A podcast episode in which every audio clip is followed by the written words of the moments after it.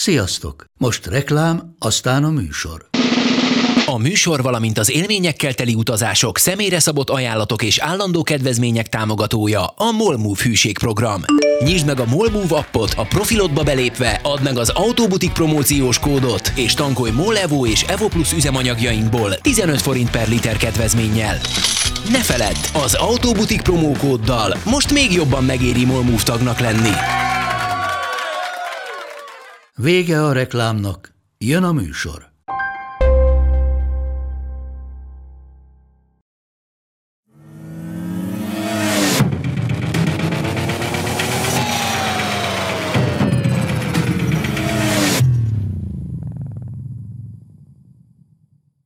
Sziasztok! Nagyon szépen köszönöm, hogy már is összegyűltetek. Mindjárt kezdjük a mai második kerekasztal beszélgetésünket, aminek a tévája az financiális lesz, egymás és mások zsebében fogunk turkálni.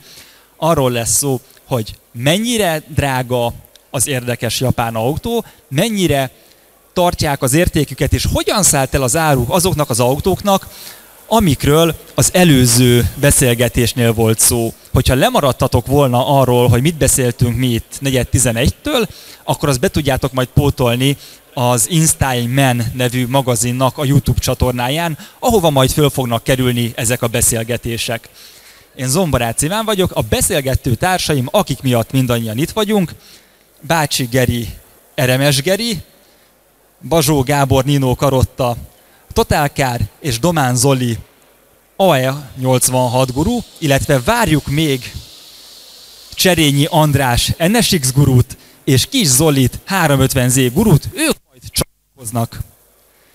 Figyelj, Geri, te azt mondtad, hogy DJ múltad miatt van egy ütős felkonfod. Kérlek. Szolgálati közlemény, NSX és 350Z gurukat várjuk a színpadnál. Tehát ismételném, a szüleik várják a 350Z és az NSX színpadnál. Akkor kezdjük is el az első napirendi pontunkat, ami úgy hangzik, hogy mikor kellett volna venni 90-es évekbeli vagy 80-as évekbeli izgalmas japán autót. Mikor volt ezeket a legjobb megvenni? Hát, hogyha most elmesélem nektek, hogy annak idején mennyiért vettem meg az első MK4-es szuprámat, akkor szerintem mindenki haragudni fog rám. 2 millió forintba került a gépjármű ezelőtt körülbelül 15 évvel. Az megvan? De az, a, az a két millió forint, az még öregem, abban még anyag volt abban a két millió. Olyan, mint a mai két millió forint. Legyen az, hogy mondjuk az a két millió ma érne mondjuk négyet. Igen? Na haldokik a mikrofon? Igen, így szeretnéd? Ó, így sokkal jobb a hangja. Szóval, hát a mélypontja ezeknek az általam favorizált szupráknak egyértelműen a 2000-es évek eleje. És az a vicc, hogy akkor Magyarországon így fölcsaptál egy ilyen használt autós oldalt, és lehetett őket kapni. Emlékszem, volt egy, amit másfél ér árultak, és nagyon duzzogtunk, mert be volt gázosítva, és hogy á, ki kéne venni a hátuljából a gázpalackot, tudod, és akkor á, annyira nem kell. Na most ugyanazon az autón szerintem egy fél lakás árát kerestem volna meg, ha annó megveszem és megtartom. Nekem az az érzésem, hogy minden autóvásárlást igazából nem az ilyen világpiaci folyamatok megfejtéséhez érdemes hozzálőni, hanem az összes autó úgy működik, hogy az élet görbéje szerint ideális esetben, amikor megveszed, akkor menő és megbízható, és aztán elkezd kopni e, különböző ritmusban először egyre kevésbé menő, aztán egyre kevésbé megbízható, aztán egyre nehezebben fenntartható, és eljön az a pillanat, amikor a menősége is a legalján van, de a fenntartási költségei már a legmagasabbak, és általában akkorra teszi a piac a legolcsóbbá. És hogy ezek a görbék milyen formájúak, az nyilván múlik azon, hogy eredetileg jó hírű autóról van ez szó, mondjuk egy japánról, ahol feltételezni lehet, hogy tíz éves korában is működni fog, vagy egy nagyon szexi Alfa Romeo-ról most, hogy itt merjek megbántani ugye jelen nem lévőket, ami lehet, hogy rohadt kívánatos, de tudod, hogy nem biztos, hogy bele akarnál vágni mondjuk 12 éves korában abban, hogy akkor így a birtokba vételre sor kerüljön. És és ez, ezért aztán nyilván a 90-es évek japán autói azok mondjuk ilyen 15 éves koruk környékén lehettek kb. a mélyponton. A, aminek utoljára én nagyon néztem a görbéjének az alakulását, az a 350Z volt. Ugye a 350Z nagyon mélyre esett hogy ez egy relatíve drága autó volt, és volt olyan pillanat, amikor, amikor már-már bántóan olcsón lehetett 350Z-t venni, úgyhogy egyébként az egy tartós mechanikájú, jó megjelenésű, kevés munkával ténylegesen élvezetessé tehető autó és csak ki kell várni. Tehát mindennel kapcsolatban az lenne a jó stratégia, hogy ki kéne várni. Az egy kis probléma, hogy ez az egész, amiről így okoskodtunk, ez kb. pont mostanáig volt igaz, mert most van az, hogy annyira nagyot változik az autóipar, hogy teljesen megtippelhetetlen, hogy ami mondjuk most kívánatos két-három éves autó, azzal mi az Isten lesz 15 éves korára, meg mi lesz a világgal egyáltalán addigra, mire egy mai autó 15 éves lesz. Ezért is olyan szerencse, hogy ebben a szűk körben bemehetjük valami, hogy a jelenleg gyártott autók azok így általában eleve egy kicsit érdektelenek és kicsit szarok, és nem biztos, hogy akarná az ember egyáltalán hobbi autóként megvásárolni őket, nagyon kevés kivételtől eltekintve 10-15 éves korára. Én azt hiszem, hogy az AE86 ebből a szempontból talán a legextrémebb, az AE86 2002 és ilyen 2006-7-8 között gyakorlatilag nem ér semmit. Tehát tudtunk venni úgy autót, hogy találtunk egy kert végén valamit, oda mentünk, és mondták, hogy 10 ezer forint. Én az aranyszínű automat, ami ott van, bátran vállalom, hogy kettőt vettem, mind a kettő GT volt, 400 ezer forintért 2005-ben, 2005-ben, és igazából akkoriban nagyon sok barátom kérdőre vont, hogy én erre miért költök ennyi pénzt. Mindenkinek azt szoktam mondani, hogy szerencsém volt, hogy nem egy Opel Kadettot választottam, mert 3,5 millió forintban állt meg, amikor a piaci értéke 800 ezer forint volt körülbelül 2010-ben, és igazából bejött a befektetés, jó lett a megérzés, de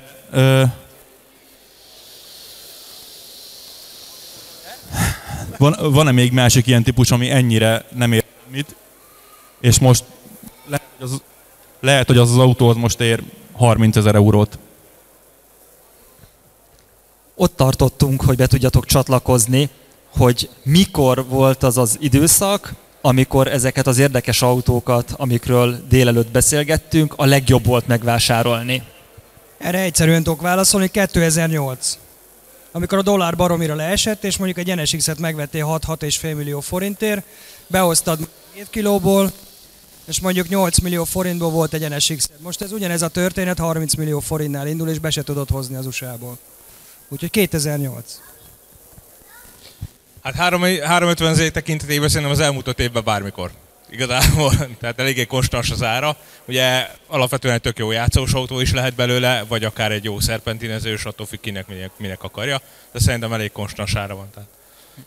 Kigyűjtöttem az elmúlt pár évből két érdekes hírt. Az egyik az volt, hogy két éve 18,7 millió forintért kelt el egy gyári megkímélt hacsi, a másik pedig az, hogy egy ugyanabban az évben egy nagyon patent állapotú gyári Supra pedig 200 ezer dollárért ment el. Ezt nevezhetjük túlértékeltnek és túl hype vagy ezek az autók valóban érhetnek-e ennyit? Felt. Igen, én mindig rosszul fogom meg. Hát ez van. Mint, mint, mint autó, tehát nézzük meg, hogy a Supra, meg mondjuk egy ö, ugyanolyan évjárató 1996-os mondjuk Corolla mennyi vasat, lemezt és anyagot tartalmaz. Na most, hogyha meg kell vásárolnunk egy Toyota Suprának a bal hátsó karosszéria negyedét, tegyük föl, hogy még lehet kapni, mert egyébként most már nem lehet kapni, de mondjuk egy évvel ezelőtt még lehetett kapni, és ugyanezt meg kell venni a Corollához. Tippeljetek, melyik a drágább? Segítek, ugyanannyiba fog kerülni. Tehát értitek a problémát, hogy tulajdonképpen a Supra, meg egy, egy, egy másik autó, hogyha meg kell építeni, mindegyik egy csiliárdba kerül. Tehát, hogyha fel akarsz újítani teljesen hibátlan patika állapotra egy 96-os korollát nem fogsz szignifikánsan kevesebb pénzt elkölteni ugyanaddig az állapotig, mint hogyha egy szuprát akarsz rendbe rakni. Mi a különbség? Hogy sokkal többet fog érni a szupra, amikor elkészül, a korolla pedig nem fog annyit se érni, amennyiből előállított. Hát amikor én elkezdtem szuprázni, és a matematikáról kezdtem ilyen nálam sokkal régebb óta autó restaurálással, meg felújítással foglalkozó emberekkel diskurálni, ők nekem csak annyit válaszoltak, hogy Porsche. És akkor néztem rájuk, hogy mi van? Azt mondják, Porsche. De mondom, miért mondod azt, hogy Porsche? Azért elütjő, mert értsd meg, Porsét kell csinálni, mert a Porsét ugyanannyiba rakod össze, mint a Suprát, csak az ára meg háromszorozódik, mire kész van, és tudjuk, hogy a Supra az nem olcsó autó. Egyébként a Supra nem profitábilis autó a mai napig, tehát ö, olyan rettentően nehéz összevadászni az alkatrészeket, és annyira nagy munka szép állapotra megcsinálni, hogy egy, egy szuprát megcsinálsz, és az kb. annyit ér, mint amennyiből megcsinálod, tehát nem keresel rajta pénzt. Mi a válasz megint? Porsche. Mert Porsche-ból meg tudsz olyat csinálni, mondjuk egy ilyen 60-as, 70-es, 80-as évekbeli Porsche-ból, hogy megcsinálod, megveszel mindent, összerakod, és rettentő nagy profitot tudsz rajta termelni. És akkor ugye megint föltesszük magunknak a kérdést, miért ér többet az a Porsche ennyivel, mint a Supra, a Supra miért ér ennyivel többet, mint a Corolla, és a válasz pedig nagyon egyszerű, mert a piac beárazza az autókat. Tehát mindig az a kérdéses, hogy abban az adott időszakban a kedves közönségnek mekkora igénye van az adott gépjárműre. Tehát, hogyha ők azt nagyon szeretnék azt a gépjárművet birtokolni, mert most akkor egy nagyon egyszerű kérdést teszek föl, és szerintem a mai nap legtöbb jelentkezőjét fogom látni itt a sorokban. Légy szíves, tegye föl a kezét az, aki nagyon szeretne egy MK4-es szuprát. Tehát úgy érzem, hogy el, elég sokan vagytok így. Tehát, hogy a hangsúly mindig ezen van, hogy abban az időben, amikor én még mondjuk 2 millió forintért meg tudtam venni egy ilyen használt szuprát úgy, hogy van rajta egy magyar rendszám, abban az időben nem volt egy kelendő portéka.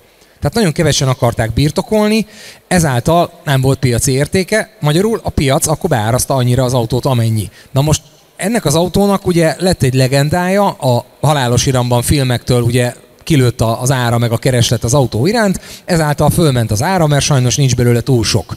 Úgyhogy szerintem ez ilyen egyszerű, tehát a, a piac árazza az autókat, és most jelenleg ott tartunk, hogy a, a Toyota Supra, ami hirtelen lett egy nagyon kívánatos autó, de egyébként nem gyártottak belőle sokat, ezáltal a kevés megmaradt példány, főleg a molesztálatlan, ami ugye a gyűjtőknek a kedvence, irgalmatlanul sok pénzt ér, miközben ha arról beszélgetünk, hogy ennek az autónak mi a valós értéke, tehát az alkatrészek, amiből összeépül, mennyibe kerül, az nem kerül mondjuk többe sokkal, mint egy 96-os korolláé.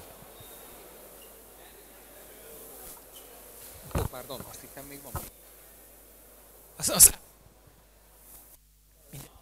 Ö, nem, inkább csak nyögök, és akkor a átviszi. Nem. Vitt közelebb. Igen, lent, esküszöm. Hol vagyunk? A térben ahhoz, hogy van-e hang? Nem. Próbáld meg ezt. Ö, megpróbálom ezt. Ez, ez talán egyen jobb, igen. Elfelejtettem időközben. Annyi, szerintem a Geri annyira alaposan megválaszolta a kérdést, hogy én már nem is emlékszem, mi volt. Mi volt az? Ja, hogy valós-e, igen, tehát hogy tükrözi -e ezeknek az ára a valós értéküket. Hát nyilván ez, ez a, a válasz erre itt a vége volt, hogy a dolgok értékét azt kizárólag a piac szabja meg, ahány forintot kifizetnek érte, annyit végül is ért, tehát ezek szerint ért annyit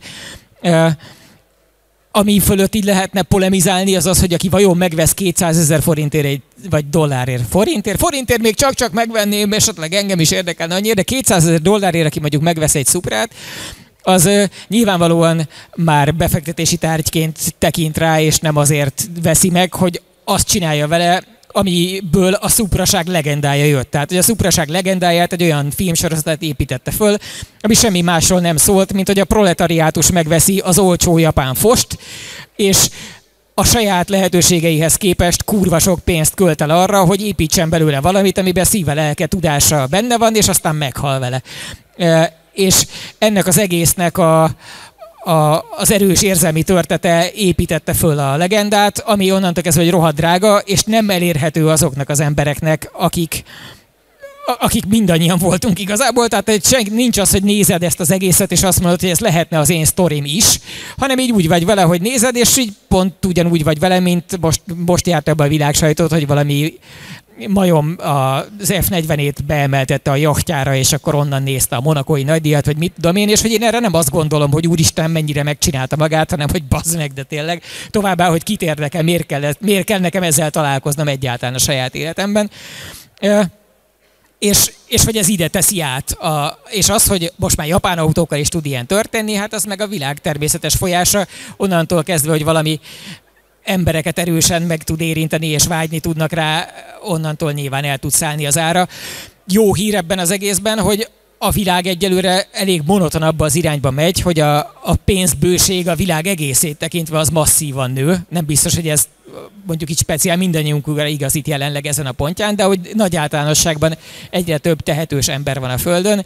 Viszont ezek a jószágok, ezek elég szűkösek, tehát hogy 30 évvel ezelőtt rohadt híres autót csinálni most nem lehet, hanem csak 30 évvel ezelőtt lehetett, úgyhogy egy adott keresletre tud nyílni folyamatosan a kínálat, fordítva, tehát egy adott kínálatra nő folyamatosan a kereslet, ami jót tehet ezeknek a dolgoknak a további árának speciál engem ez a része különösebben nem mozgat. Tehát, hogy én, én pont azt, addig szeretem az autókat, ameddig úgy tudjuk őket használni, mint, mint egy egy nagyon kedves használati tárgyat, amivel egyébként csinálni szeretünk valamit. Tehát ami nem magáért van, hanem azért van, mert szeretünk csinálni vele valamit, amit élvezünk, és hogyha kimozog ebből a tartományból, mert el kell kezdeni vigyázni rá, mert azon kell gondolkodni, hogy ha most nem használom, akkor mennyivel többet érhet egy későbbi pillanatban, onnantól kezdve pont, hogy már nem az enyém, hogy én ennek az ellenkezőjén vagyok, engem azért érdekel, és addig, ameddig az enyém.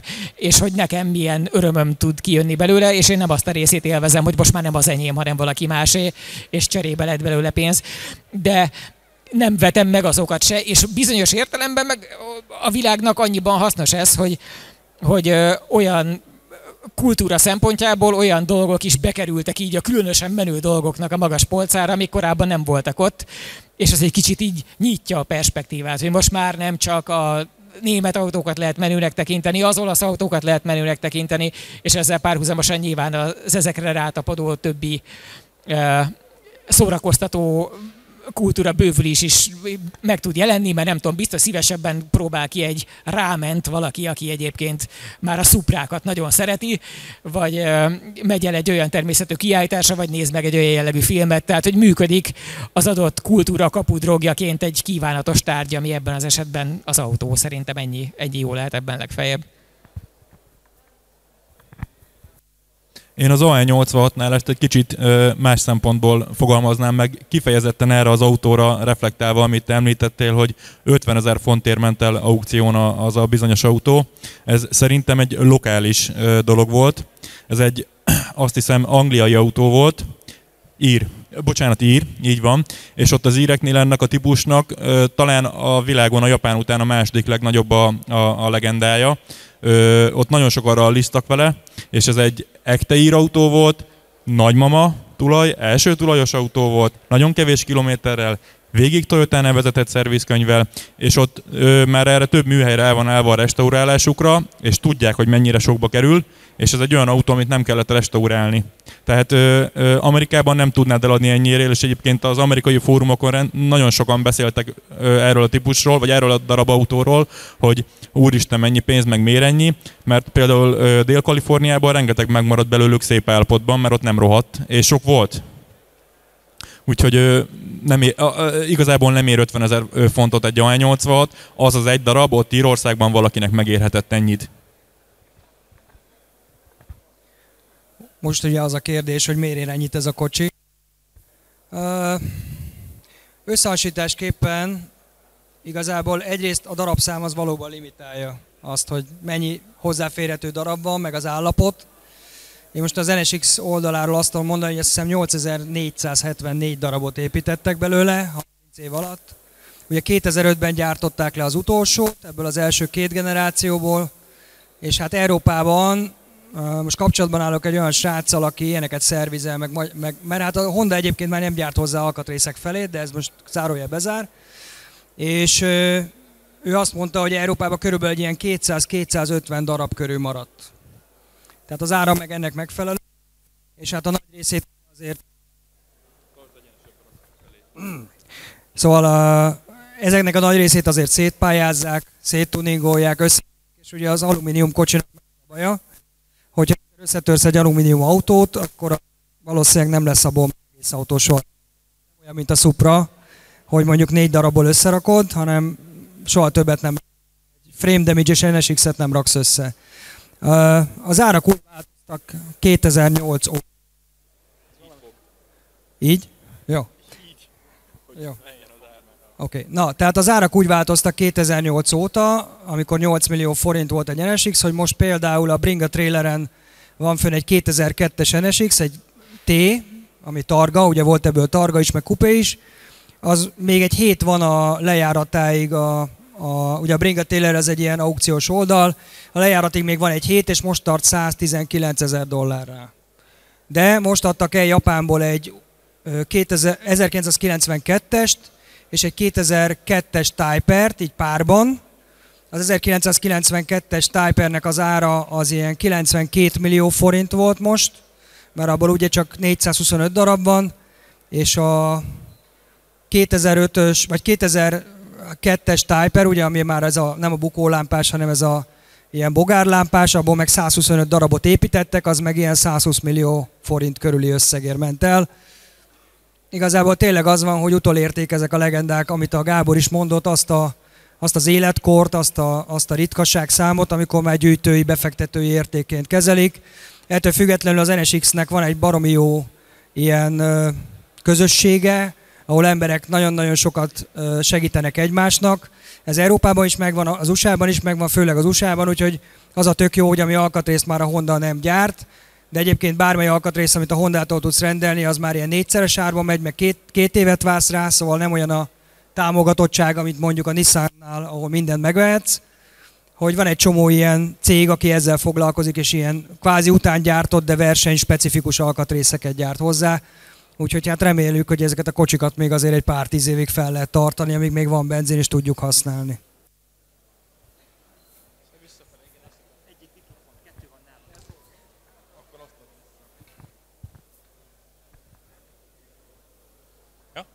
Igen, egyébként maximálisan egyetértek, hogy igazából, ahogy Gábor is mondta, a élvezeti érték itt a legnagyobb történet szerintem is abban, hogy ne úgy gondolkodjál, hogyha mész az utcán vele, hogy úristen mennyit fog ez élni, hanem azért van, azért tartod, legalábbis én azért vagyok így a 350 éve, hogy használjam, élvezzem, hogy tényleg azért van az autó, ne én legyek az autóért, hanem az autó legyen én értem. Tehát ez egy nagyon fontos szempont. Illetve egyébként ugye a 350 zékre visszatérve egy kicsit a árérték arányba, hogyha megnézzük, akkor az elmúlt négy évben elég nagy skálát jártak be itthon, a 4 és 8 millió között mindenféle, mindenféle dobálnak. Nagyon sok állapot van, nagyon sok rossz állapotú is található, meg nagyon sok jó állapotú is található. A nagyon sokat azt olyan 12-15 darab állandó eladás alatt van. Szoktam figyelgetni én is alapvetően. Szerintem most a Nissan 350 egy olyan hullámvölgyben tart jelenleg, mint a bmw tehát igazából mindenki egy ilyen hajtós, vagánykodós, veretős autónak fogja föl, ami egyébként nem baj, de én úgy gondolom, hogy egyszer majd ebből ki fog kecmeregni ebből a gödörből, és kicsit többet fog érni a japán mi volt miatt. Nem azt mondom, hogy nem szeretem a BMW-ket, de, de engedjétek meg, hogy ebből a szempontból elfogult legyek. De akkor most, ha jól tudom, akkor úgy áll ezeknek az ára, hogy bizonyos pont után már eléri azt a szintet, amikor megéri akár porból is újjáépíteni, mert annyira drága. Most melyek azok a modellek, amik itt tartanak, és melyek azok, amikből még megéri inkább drágán egy jót venni, mert nem lehet talpra állítani, vagy nem lesz soha rentábilis, és csak az keres rajta, aki építi, nem az, aki fizeti. Hát nézd, én, én gyakorlatilag erről már nyilatkoztam, hogy az MK4-es Supra az, az jelenleg tartott. Van itt egyébként mellettünk egy másik autó, itt a harmadik MK3 Supra a sorban egy szép piros turbos 87-es évjáratú. Amikor azt építettük, akkor pont sajnálkoztunk a gazdájával, hogy akárhova tologatjuk a matekot, nem jön ki. Tehát nem fogja egyszerűen tudni az autó a piaci értékét, de szerencsére azt is tudtuk, hogy az autó abszolút nem azért épül, hogy eladjuk, hanem azért, hogy egy, egy néha használós, nagy becsben tartott gyűjtői darab legyen. Hát azóta eltelt néhány év, és jelen pillanatban azt tudom nektek mondani, hogy annak a gépjárműnek az ára úgy megindult fölfele, hogy most már tudja az akkori előállítási költséget. Tehát amiből akkor összeraktuk, inflációt mindent rámatekolva, most körülbelül annyit ér ez az autó, amennyire akkor előállítottuk.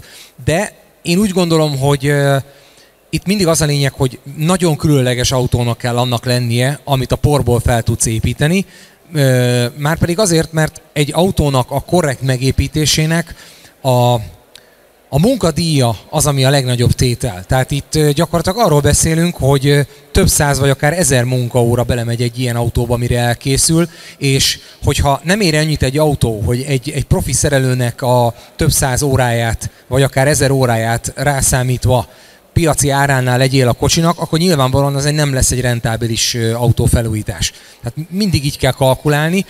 Az MK4 Supra egy, egy kívánt gyűjtői autó, rettenetes nagy az ára, ezért cserébe viszont rettenetesen drága az alkatrész is hozzá, mert nagyon ritka, mert nem lehet kapni. Tehát új alkatrészt is nagyon-nagyon keveset lehet már hozzá kapni, ezáltal egy borzasztó drága autó lett belőle, de azt mondom, hogy megéri felújítani. Ha egy olyan autóra gondolunk, most például a 350 Z, szerintem pontosan ez a kategória, hogy abból egy lelakottat megveszel, azt az életben nem fogod tudni rentábilisan úgy rendbe rakni, hogy azt mondod, hogy jó, egy picit használom, vigyázok rá, és utána eladom. Ugye a kollega bólogat, tehát nem mondtam hülyeséget. A Szuprát viszont jelenleg ott tartunk, hogy bármiből. Ott van az a fekete, az tényleg két, két porrátört autóból készült, tehát meg lehet csinálni, nagyon-nagyon sok pénz, nagyon sok munka, de még mindig a, a, a büdzsé az még, még fedi azt, amit a piacon ér az autó. A, a Nissanok én már akárhogy fogom mindenhogy. Legolj. Hát, ha így. Na, szóval a, a Nissanoknál ugye ott van a Z, ahol látszik egymás mellett ugye az én tönkre építettem meg mellette a, a nagyon szépen restaurált. A Z az mostanra tartott, hogy a restaurálás az abszolút értelmezhető üzleti vállalkozás, tehát hogy ismerünk olyan embereket a világ több pontján, akik egyrészt veterán zéget restaurálnak, nagyon jó minőségben gyáriasra, és azt is lehet úgy végezni, hogy, hogy meg lehet élni belőle. Meg a Porsékhoz hasonlóan az ére is álltak rá utólagos, már inkább az átépítéshez, vagy a restomoddinghoz hasonló műhelyek, ahol a végkimenet az, az árilag szintén a Porsékhoz hasonlóan a stratoszférában van lőve, tehát hogy a, a nagyon sok 10 millió, kevés 100 millió környékére kezdik már lassan fel feszegetni az ék egy részét is. A, ami jó pofa az ében, hogy olyan szempontból viszonylag nagy átfogása van, mivel Amerikában ugye 300 ezer darabot adtak el, tehát egy nagyon gyakori autó, csak ne, nekünk a mi szemünknek exotikus, mert Európában baromi sikertelen volt, és itt nagyon kevés volt belőle hogy a, az én zém az Magyarországon úgy keletkezett, hogy én 1,2 millió forintért vettem annak idején. Oké, okay, hogy annak 21 néhány éve, de hogy nem volt egy különösebben drága autó, azzal együtt sem, hogy akkor az egy frissiben, relatíve restaurált, elfogadható állapotú utcai autóként kezdte a pályafutását amit aztán én sok tízmillió forint és rengeteg munkaórálán ugye a nulla forintig juttattam el, ami a jelenlegi értéke, de nyilván az én szívemnek meg végtelenül kedves. E, és a, az egyel későbbi autók közül szintén a Nissanoknál maradva nyilván elsősorban a GTR-eknél merül föl, hogy lesz igazi ára, vagy akár, hogy most már van, és abból hát lehet, hogy ezt valaki másképp gondolja, de én nekem a zsigeri megérzésem az, hogy a, az R32-ből lesz igazi klasszikus, és az R34 fog annyiba kerülni még, mint az igazi klasszikusok úgy általában. És valamire egy kicsit a 33-at inkább, az kev, annak kevésbé van markáns identitása, nem ló ki annyira, és ennek megfelelően talán a piac se azt szereti igazán. De, de ezek azok, amik, amik az egész világ számára elég sok embernek jelentenek valamit ahhoz, hogy legyen akkor lesz, akkor lesz valamiből drága veterán, hogyha ahhoz képest a hány létezik belőle, hasonló arányszámú, nagyon gazdag ember van, aki össze tud rajta veszni. Tehát akkor attól lő ki valaminek az ára, és azért lesz hirtelen 25 ezer dollárból 250 ezer, hogyha van kettő darab valaki, akinek rohadtul bejött a bitcoin az elmúlt öt évben, és azért nyugodtan rá tudja szórni a tízszeresét is éppen, mert igazából kurvára mindegy, és most éppen érdekli, vagy most éppen divatos azon a környéken, vagy abban a az, az ő baráti körében, és akkor így egyszer csak drága lesz. Szerintem a, a Nissanok közül ezekkel van ez, és már a zére is igaz azt, hogy tehát az ét is igaz igazából, a, vagy azt is megéri már nagyon a, a poreiból feltámasztani, klasszikus veterán restaurációként, mert van annyira stabil márka háttere, meg alkatrész utánpótlása, meg piaca, hogy azon lehessen fogni. Szerintem senki se lesz Z-restaurátor multimilliárdos, tehát ebben az irányban nem. De hogy nem kell attól félni, hogy kikopnának veteránként, abban szinte biztos vagyok, és mondom, befektetési Nissanként még a, még a GTR-ré más, más irányában nem mernék nyúlni a Nissannál, kivéve a nagyon régieket, de az a mi környékünkön értelmezhetetlen. Hát az AE86-nál, hogyha valaki most szeretne belefogni egy restaurálásba, akkor legyen neki mondjuk egy nagy, aki karosszér, aki legyen egy ö, családban egy karosszér, Igen, egy jó karosszérilakatost keresünk. Ö, lehet egyébként már hozzákapni fémelemeket újra. Valahol Tajvanon elkezdték nyomni, árulják több helyen a világon mindenki drágálja a, a, a communityből, a, a, a társaságból. De egyébként, így, hogy 20 éve benne vagyok, benne vagyok Magyarországon, szerintem két évente fölbukkan egy olyan félbehagyott projekt, amit nagyon megéri megvenni. Tehát, hogyha valaki akar venni, akkor mondjuk keressen, és fogok tudni neki iránymutatást adni, hogy melyiket vegye meg. Ö, és egyébként újra el tudnám mondani azt, hogy én mennyire vettem az autómat, meg mennyibe lett kész, és hogyha vár vele az ember egy pár évet és használja és örül neki, biztos, hogy nem fog rajta bukni akkor se, hogyha mondjuk éppen most több állna meg neki a felújítása, mint amennyit a piacon érne. Csak fejezze be a felújítást. Ez itt a reklám helye. Oké, okay. na, ö, hát ez azért nehéz kérdés az NSX esetében, amit az előbb elmondtam, mert ha egyszer összetörted, akkor valószínűleg abból sosem lesz autó, Ilyen ökölszámokat tudok mondani egyébként. Van ez, a, ez az ATR racinges srác kin, aki 20 éve csak ezeket szereli, meg ilyeneket épít. Ő azt mondja, hogy egy normális állapotú NSX-et ilyen 65 ezer euró alatt nem szabad megvenni. Mert hogy arányosan arra is rá fogsz költeni egy 12-15 millió forintot, mire a korából adódó ilyen felújításokat eszközölni fogod, és akkor azon semmilyen tuning nincs, hanem akkor van egy kb. gyári állapotú autód, ami egy kicsit többet ér annál, mint amit most így ráköltöttél. Tehát mondjuk egy ilyen 85-90 ezer euróból van egy olyan kocsid, ami full gyári, és akkor az, az elmegy A-ból B-be, és az lehet, hogy az sem lesz tökéletes a festék, meg egy-két alkatrész nem úgy lett megcsinálva, mert az az igazság, hogy kevés az a szakember, aki valóban ért hozzá. Minden szakmának, és szerintem a Geri, meg a Gábor is, meg a is meg tudja erősíteni, hogy minden autómárkának megvannak a maga specialistái, és ha valamikor véletlenül máshoz viszed a kocsit, akkor abból általában ilyen rengeteg pénz plusz körök és idegeskedés van, ami egyébként nem egy jó érzés, meg amúgy ez egy nehéz történet, meg nem is jön ki a matek, ugye?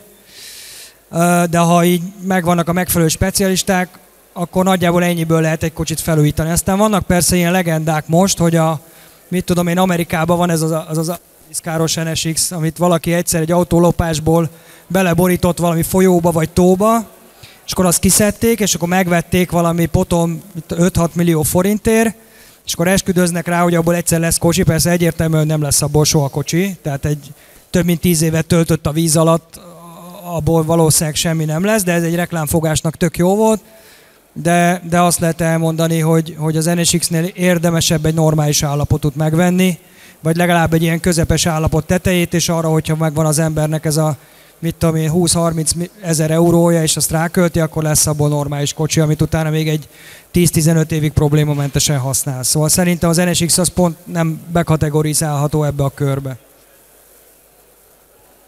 Hát a 350Z keretén belül is kicsit nehéz erről nyilatkozni, de igazából azt tudnám mondani, hogy körülbelül olyan, mint ahogy említettem már a BMW-k, tehát igazából mész a CBA-ba és leveszed a polcról, amire szükséged, szükséged van. Uh, tehát igazából restaurálni nem hiszem, hogy még itt lenne az ideje, inkább ahogy Gábor említette, ugye a régi Fairlady, amik tényleg uh, megérik azt a, azt a szintet, hogy úgy visszaállítsd abba az állapotba.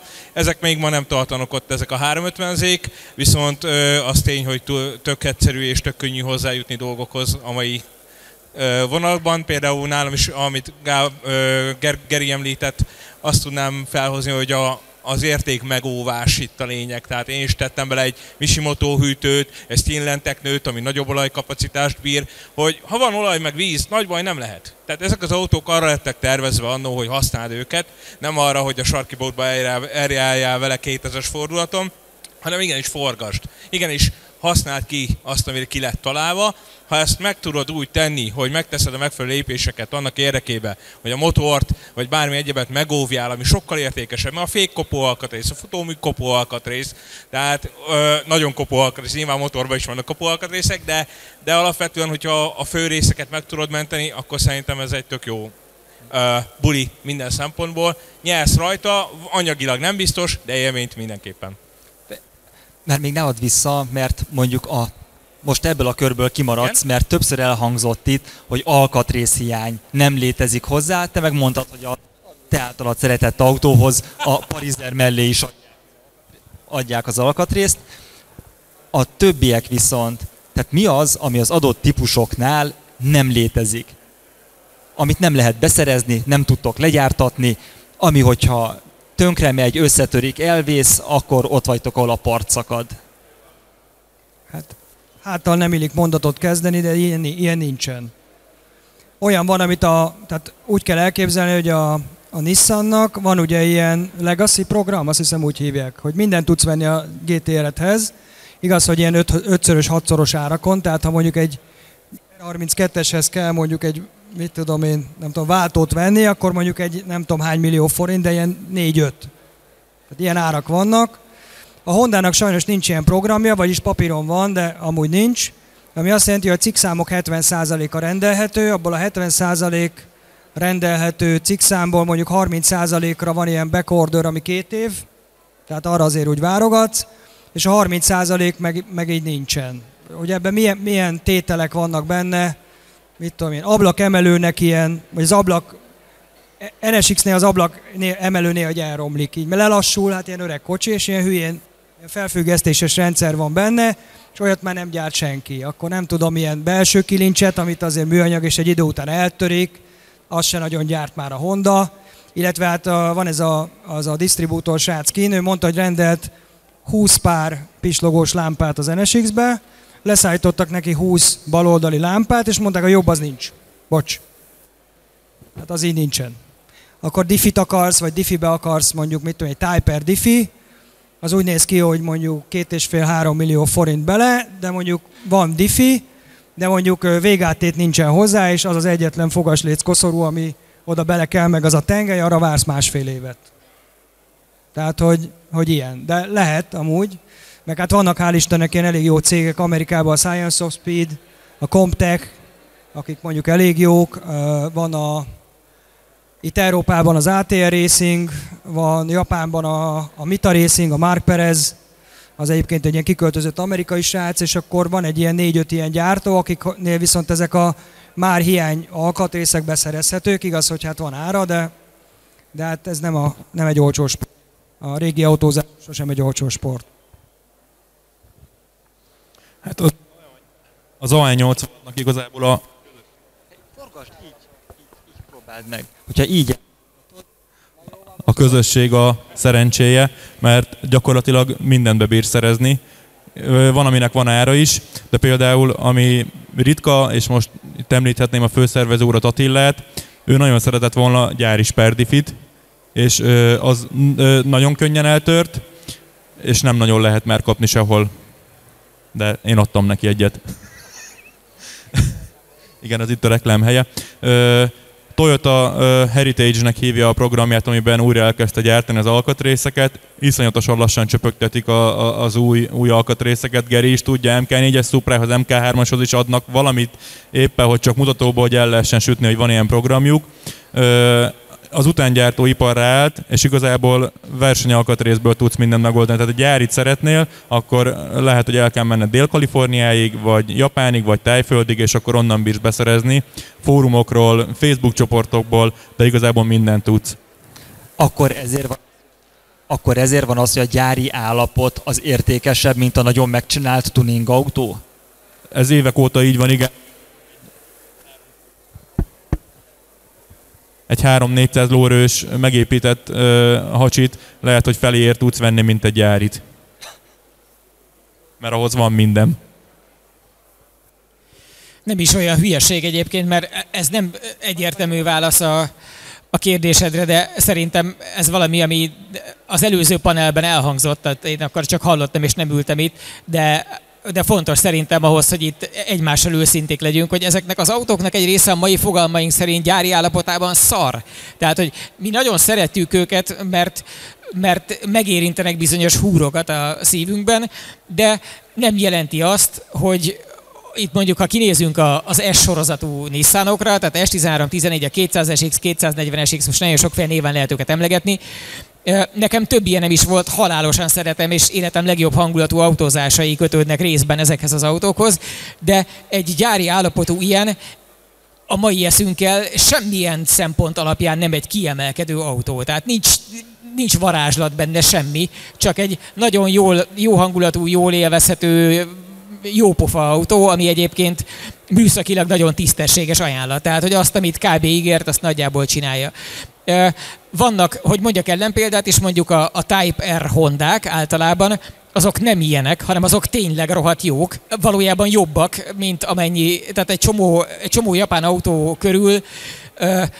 A legenda azt tükrözi, hogy ahova megépítették belőle az igazán jókat, már az aftermarket, tehát hogy nem a gyár, hanem a, a ráálló uh, rajongók, meg a, meg a másodpiac, meg a tuning szakma, uh, meg esetleg a ráépülő filmek és hasonlók, tehát hogy a kultúra hova emelte föl, az valójában bizonyos autóknál iszonyú messze, messze esik attól, amilyen az eredeti autó. Az S sorozatú Nissanok tipikusan ilyenek, hogy ott borzasztó nagy differencia van e között a kettő között. A Type R Hondák nem ilyenek, azok relatíve közel vannak, ott tényleg az van, hogy főleg egy régebbi Type R, az egy elképesztően uh, műszakileg is értékes és nagyon élvezetes dolog ahhoz képest, amilyenek a az átlagos autók szoktak lenni a maguk korában, és ezek egyébként aztán nem köszönnek vissza az árakban, tehát ma egy gyári állapotú S-sorozatú Nissan az elképesztően sok pénzbe tud kerülni ahhoz képest, hogy valójában egy ilyen válvonogatásra érdemes, nem különösebben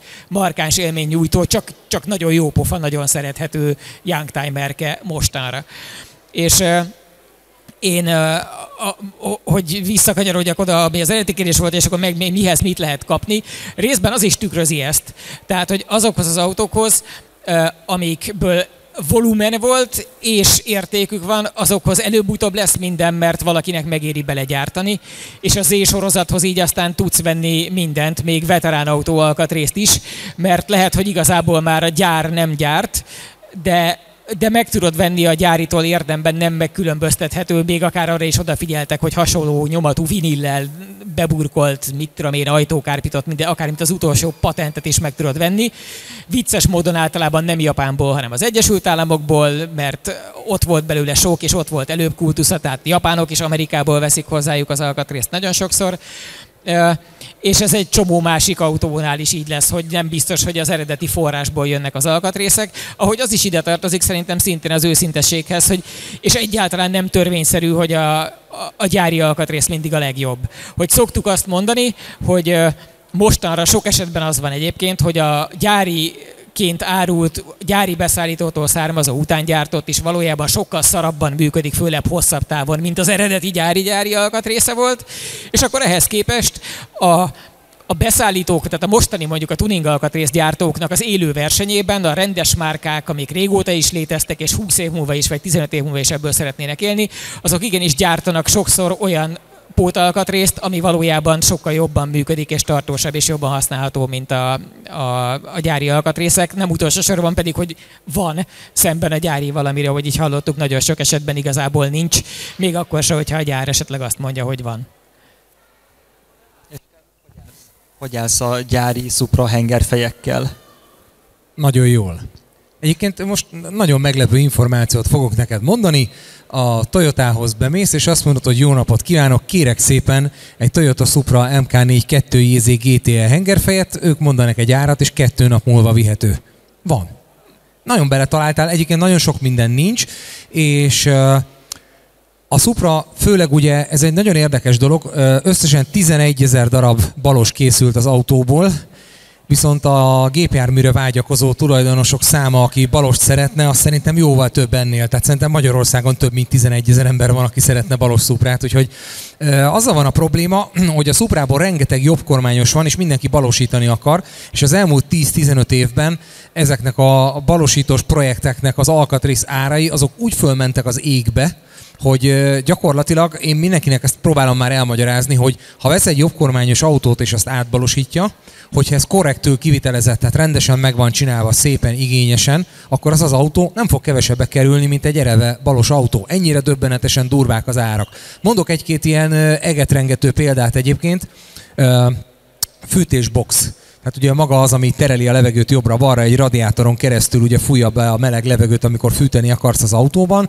Ennek az ára jelenleg a piacon ilyen 1500 dollár körül mozog. Tehát ezt, hogyha kiszorzod, erre rájössz, hogy ez több mint fél millió forint egy fűtésboxér, és akkor azt még Magyarországra valahogy haza kell hozni, az adókat ki kéne fizetni. Vagy például ugyanez egy balkormányosba való vas konzol, egy, egy rúd gyakorlatilag, ami a műszerfalat tartja. Azt úgy higgyétek el, hogy az elmúlt három évben egy, azaz egy darabot tudtam venni, pedig azért én elég sok helyen ott vagyok, és elég jó kapcsolataim vannak a, a balos szupra alkatrészekre, és 1200 dollárt fizettem ezért a vasdarabért, meg még egy konténerbe haza kell hozni, kifizetni rá a szállítást, adót, vámot, mindent, és én ezzel az alkatrészsel, ha akarok, akkor még 50% haszonnal túl tudok rajta adni szerintem, mert Európában szó szerint amennyit kérek érte. Én nekem van egy Facebookos csoportom, ez a reklám helye, kimondottan a, a balosítós MK4-es Supra alkatrészekre hoztam létre egy ilyen csoportot. Ez szépen öngerjesztően az évek alatt rengeteg taggal bővült, és oda például, hogyha én, én tudok olyan alkatrészeket, amit, amit 20 másodperc alatt tudok eladni. Tehát, hogy elképesztően kelendő, azért, mert nincs belőle, mert, mert egyszerűen mindenki valósítani akar, jobbkormányos karosszéria elérhető, jóval olcsóbb, és mindenki valósítani akarja az autót, tehát rettenetesen drágák az alkatrészek. Amúgy pedig már, amikor én belekezdtem a szuprázásba, tizen évvel ezelőtt is rengeteg alkatrész volt, amit nem lehetett kapni, és ugyanez volt az oka, hogy sajnos az MK4-es Toyota Suprából nem készült sok tehát akár mennyire is ez egy kultautó, és rengeteg ember szereti, imádja, annak idején a Toyotának nem volt egy sikersztoria, és emiatt ugye a polcokra fölpakolt alkatrész mennyisége is harmonizált azzal, amennyi autó ezekből készült és gazdára talált, és sajnos ezek az alkatrészek nagyon hamar elfogytak, főleg akkor, amikor ezt az autót elkezdték igazán gyűjtői autóként kezelni, és tuningolni, és, és felújítani, meg hát persze, hát rengeteget összetörtek ebből is, és gyakorlatilag a karosszéri elemek, mint olyan, az, az szinte lehetetlen. Tehát az vagy veszel egy másik törött autót, amiből még azt a darabot ki tudod menteni, ami neked kell, legyen az akár az autónak a negyede, vagy kapaszkodjatok meg akár a fele, de még azt is jobban megéri, meg csiliárdér is meg kell venni, nem szabad húzni az időt, mert annyira mennek fel az árak, hogy amire azt mondod, hogy fú, hát ennyiért csessze meg nem kell, hidd el, hogy két hónap múlva már azt fogom mondani, hogy bakker meg kellett volna venni, mert most már annyiért se kapok. Te azt mondod, hogy folyamatosan mennek föl az árak, és szaladnak, szaladnak, szaladnak, szaladnak. Nincs itt egy gyanú, hogy ez valahol egyszer egy lufi lesz, ami kipukkan, és onnantól ez elveszti az értékét, mint a Karotta által emlegetett bitcoinnak voltak ilyen pillanatai, amikor úgy hirtelen suty, és eltűnt az a pénz. Messziről kezdeném a választ. Nagyon-nagyon, de nagyon szeretnék milliárdos lenni, mert ez egy nagyon jó pozíció. Mikor az embernek nagyon sok pénze van, akkor nem az a lényeg, hogy jól aludjon, de ugye könnyebb megvalósítani az álmokat. És hogyha arra a kérdésre, amit te most feltettél, én tudnám a választ, akkor én milliárdos lennék a jövőben, mert akkor tudnám, hogy mit kell venni, mibe kell befektetni a pénzt és elrakni. Az a baj, hogy erre szerintem senki nem tud választ adni, és hogyha öt évvel ezelőtt megkérdeztél volna valakit, hogy az MK4-es Toyota Suprának lesz-e 200 ezer dolláros ára egy aukción, akkor minimum pofára röhögtem volna. Tehát biztos mondtam volna, hogy te hülye vagy, hol jársz ember, hát gyere vissza a földre, de hogy ki az a hülye idióta, aki ennyit fog adni a kocsért, és tessék, manapság ennyit adnak ezért az autóért. Tehát, hogy ennek nincsen határa. Nagyon egyszerű, amit a piac ad érte, az, az mindig is meg lesz, hogyha az emberek egyszer úgy döntenek, hogy már, már nem ér ennyit ez az autó, akkor, akkor nem adnak érte annyit, de az, hogy megyünk az elektromos autók irányába, és még ritkább lesz a belső égésű motoros autó, amiből meg pláne a gyűjtői darabok még jobban fogynak, még kevesebb lesz, én azt gondolom, hogy belátható időn belül, tehát én, én egy 5 kötőjel 10 évet mernék így, így satszolni, szerintem még mindig fölfele fognak menni az árak.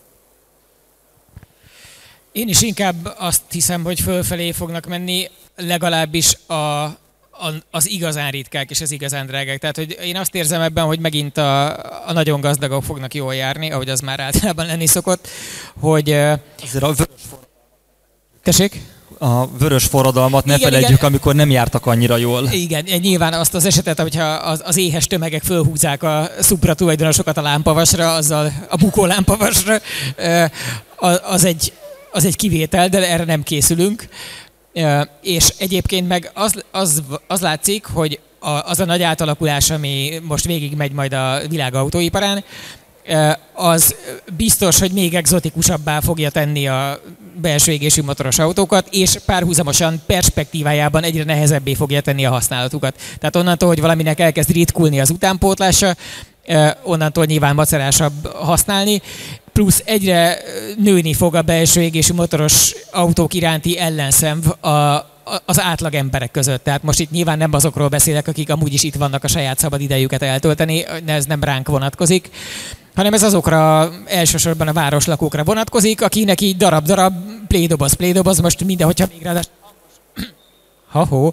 Szóval, hogyha még valami hangos kipufogó is van alatt, akkor egy ellenszenves plédoboz, és alapvetően úgy lesz vele, hogy már menjenek ezek a picsába lehetőleg. Tehát így ne jöjjön be, vagy ne jöjjön be legalább az, amelyiknek hangja van, meg amiből így szagjon ki, az aztán végképp ne jöjjön be.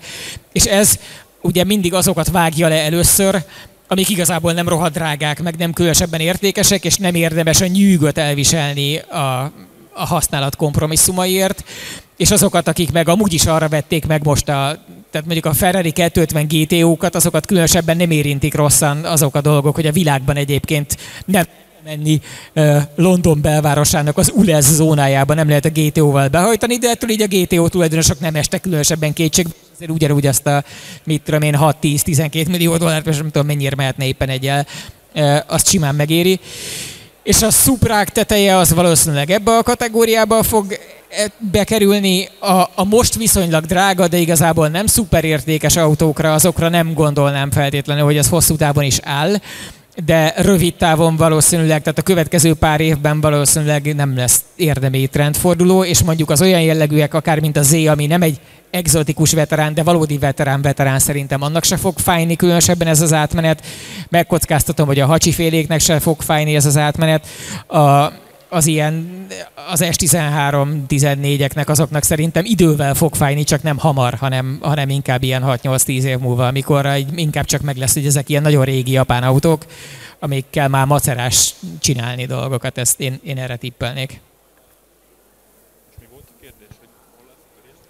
Az, az volt ah, a fenél.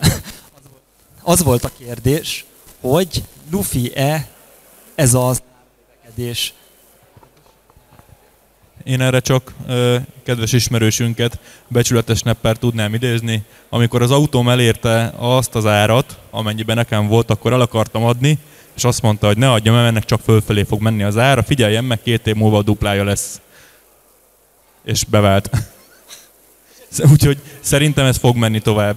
Az AE86-nál nagyon remélem, hogy ö, igen, az összes többiről nem tudok nyilatkozni. Én erre egy nagyon rövid választ szeretnék adni. Én azt gondolom, hogy a japán autóknál, ezeknél a nagy teljesítményű és ritka japán autóknál a piac szimplán beáraszta a valós értéket, és ennek még nincs vége. Mert azért, hogyha itt van a Gerinek ez a motorja, itt jobbra ez, itt volt szerencsém megnézni, ami 1600 és 2000 lóerő között lesz. Na most az egy Bugatti Veyron teljesítmény. Tehát, hogyha te beülsz egy, vagy nem is Veyron, erős Bugatti. Erősebb, mint egy Bugatti Veyron. Most azt a teljesítményt meg be kell árazni. Tehát, hogy, hogy nincs nagyon más dolog. Kevés a kocsi, kevés a jó kocsi. Én azt gondolom, hogy ennek akkor van vége, amikor egyébként mondjuk mit tudom, dollár bedől, nem fognak elfogadni dollárt érte, hanem mit tudom én, szerveket, vagy nem tudom, de addig biztos. Erre ez a rövid válasz. Hát én várom ezt a lufit, úgyhogy küldhetétnek erre is egyébként, így 350 Z tekintetében, de igen, én is azt gondolom, hogy a, a többieknek az autójára való tekintettel egyébként szerintem ez a csillagos égés tovább. Nagyon szépen elmet.